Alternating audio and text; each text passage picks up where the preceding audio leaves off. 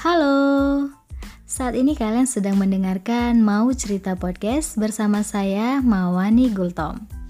Di sini kita bisa saling berbagi kisah karena tiap kisah itu berarti dan tiap kisah itu memiliki potensi untuk memotivasi bahkan menginspirasi. Pada episode kali ini, aku akan membagikan kisahku tentang bagaimana aku ketika gagal. Nah, di antara kita pasti pernah mengalami yang namanya kegagalan, bukan? Kegagalan dan keberhasilan adalah sahabat dari mencoba. Ketika kita mencoba, maka kita akan berkenalan dengan salah satunya, entah itu keberhasilan atau kegagalan. Tahun 2011, aku gagal masuk kampus impianku. Saat itu aku hancur dan kehilangan harapan.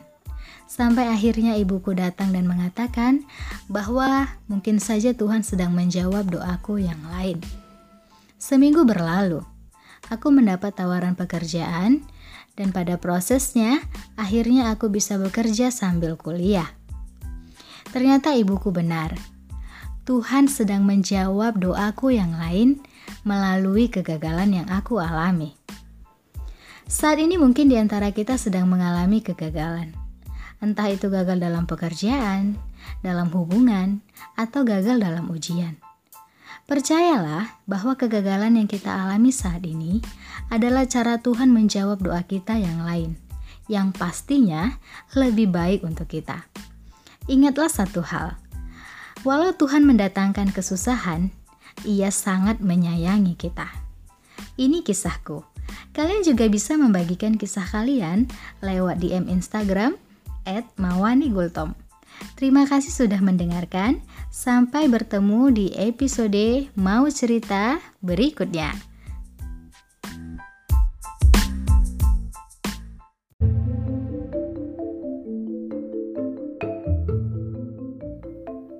Berperang dengan bambu runcing.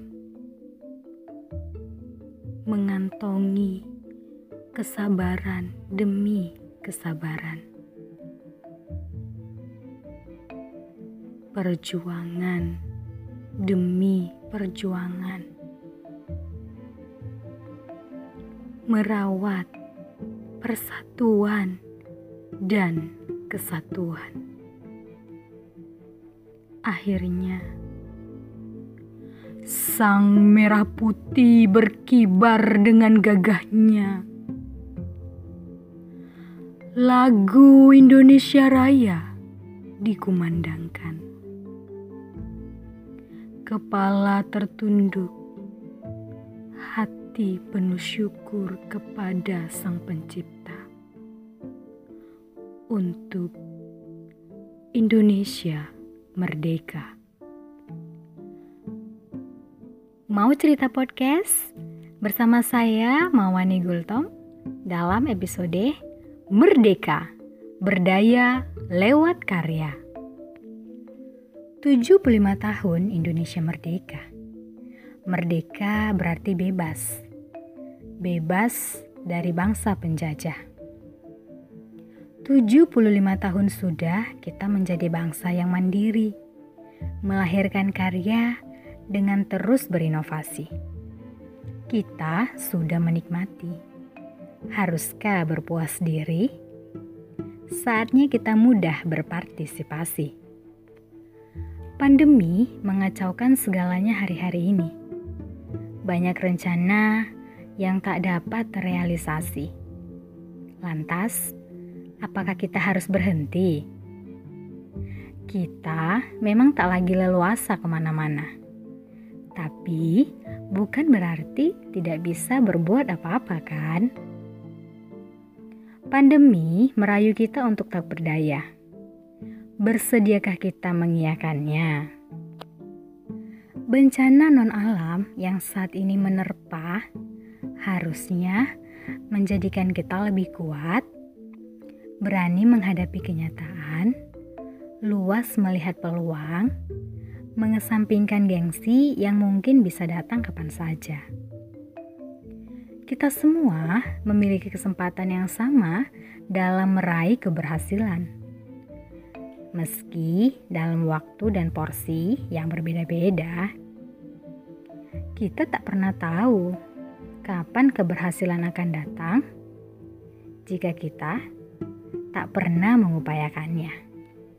Mengerahkan kemauan untuk memulai, bahkan memberdayakan potensi untuk mulai berkarya. Tapi, bagaimana jika gagal? Ini sering sekali menghantui kita membuat kita menjadi tak berdaya karena rasa takut gagal, takut ditertawakan, takut kalau-kalau semuanya di luar ekspektasi yang ada. Gagal berarti coba lagi. Para pejuang kita juga begitu kan? Segala taktik, strategi, perjanjian yang diciptakan agar kita bisa merdeka Apakah semuanya berhasil mengantarkan kita ke pintu kemerdekaan? Kegagalan yang ada membawa para pejuang kita untuk lebih dekat dengan peluang.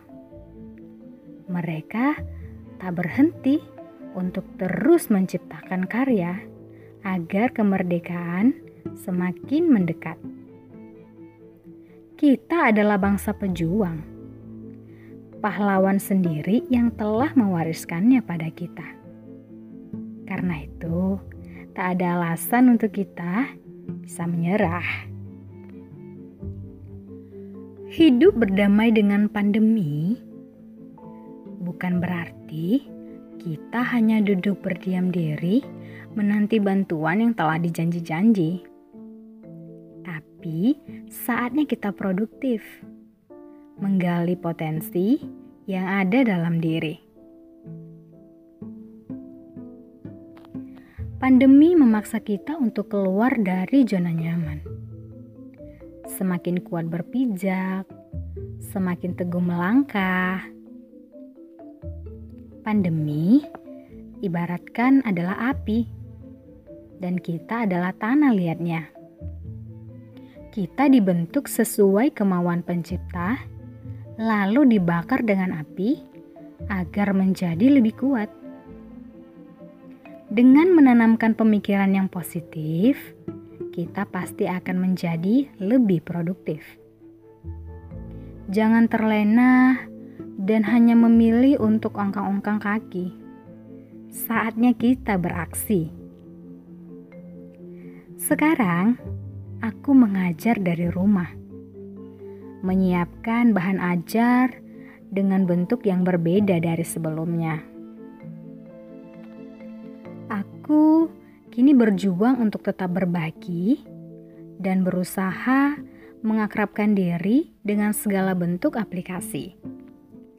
Bukan hal yang mudah memang, tapi aku harus tetap berdaya.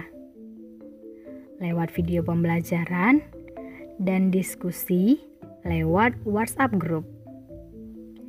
Direcoki dengan chat yang berisi pertanyaan murid tak membuat aku risih. Aku senang aku masih bisa berbagi dan memberi motivasi. Aku juga ikut lomba-lomba menulis, menulis cerpen, puisi. Menurutku, Masa pandemi adalah masa yang tepat untuk kita menggali potensi. Kita merdeka, bebas mengekspresikan diri. Aku membuat podcast untuk tetap berdaya mengeksplor diri. Tidak diterima, diragukan, atau apa pun yang menjatuhkan, semua itu kurasa adalah urusan belakang. Yang paling penting, aku sudah mengupayakan dengan optimal. Jualan online juga bisa dijadikan pilihan tuh. Tak perlu gengsi atau minder, atau nggak perlu khawatir jualanmu nggak laku karena banyaknya saingan. Ingat, tiap kita punya rezeki masing-masing yang telah ditetapkan oleh pencipta. Yang terpenting adalah luangkan waktu untuk tetap bersyukur supaya tamak gak sempat tumbuh. Ibu rumah tangga juga bisa tetap berdaya berbelanja dari rumah. Toko sembako online, sayur dan ikan segar online. Ibu-ibu tak perlu lagi takut terkena virus corona. Karena semua bisa didapat dan dilakukan dengan mudah dari rumah. Guru-guru juga masih tetap bisa berdaya mengajar lewat video pembelajaran atau aplikasi pembelajaran yang lainnya. Menyapa siswa dan menyampaikan materi meski harus hanya dengan menatap layar. Siswa juga tetap bisa berdaya.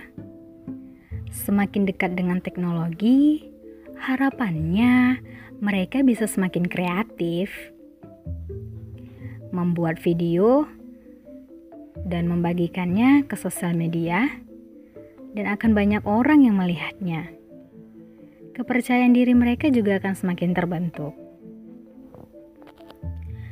Kita juga bisa berdaya memanfaatkan lahan pekarangan rumah, menanam sayuran, bunga, atau yang lainnya.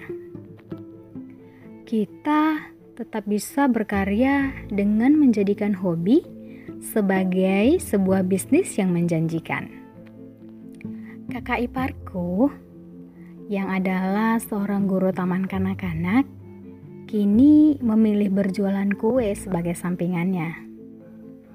Ia membuat kue lalu menitipkannya di warung-warung dekat rumah. Asal ada kemauan dan kemampuan melihat peluang, hobi kita akan mengantarkan kita pada keberhasilan. Bagaimana? Kita merdeka, berhasil menaklukkan rasa takut gagal. Kita merdeka, tetap berdaya apa pun profesi yang kita sandang. Kita merdeka, memberdayakan apa yang ada untuk menciptakan karya kita merdeka, berkarya, jeli melihat peluang. 75 tahun Indonesia merdeka. Saatnya berdaya lewat karya.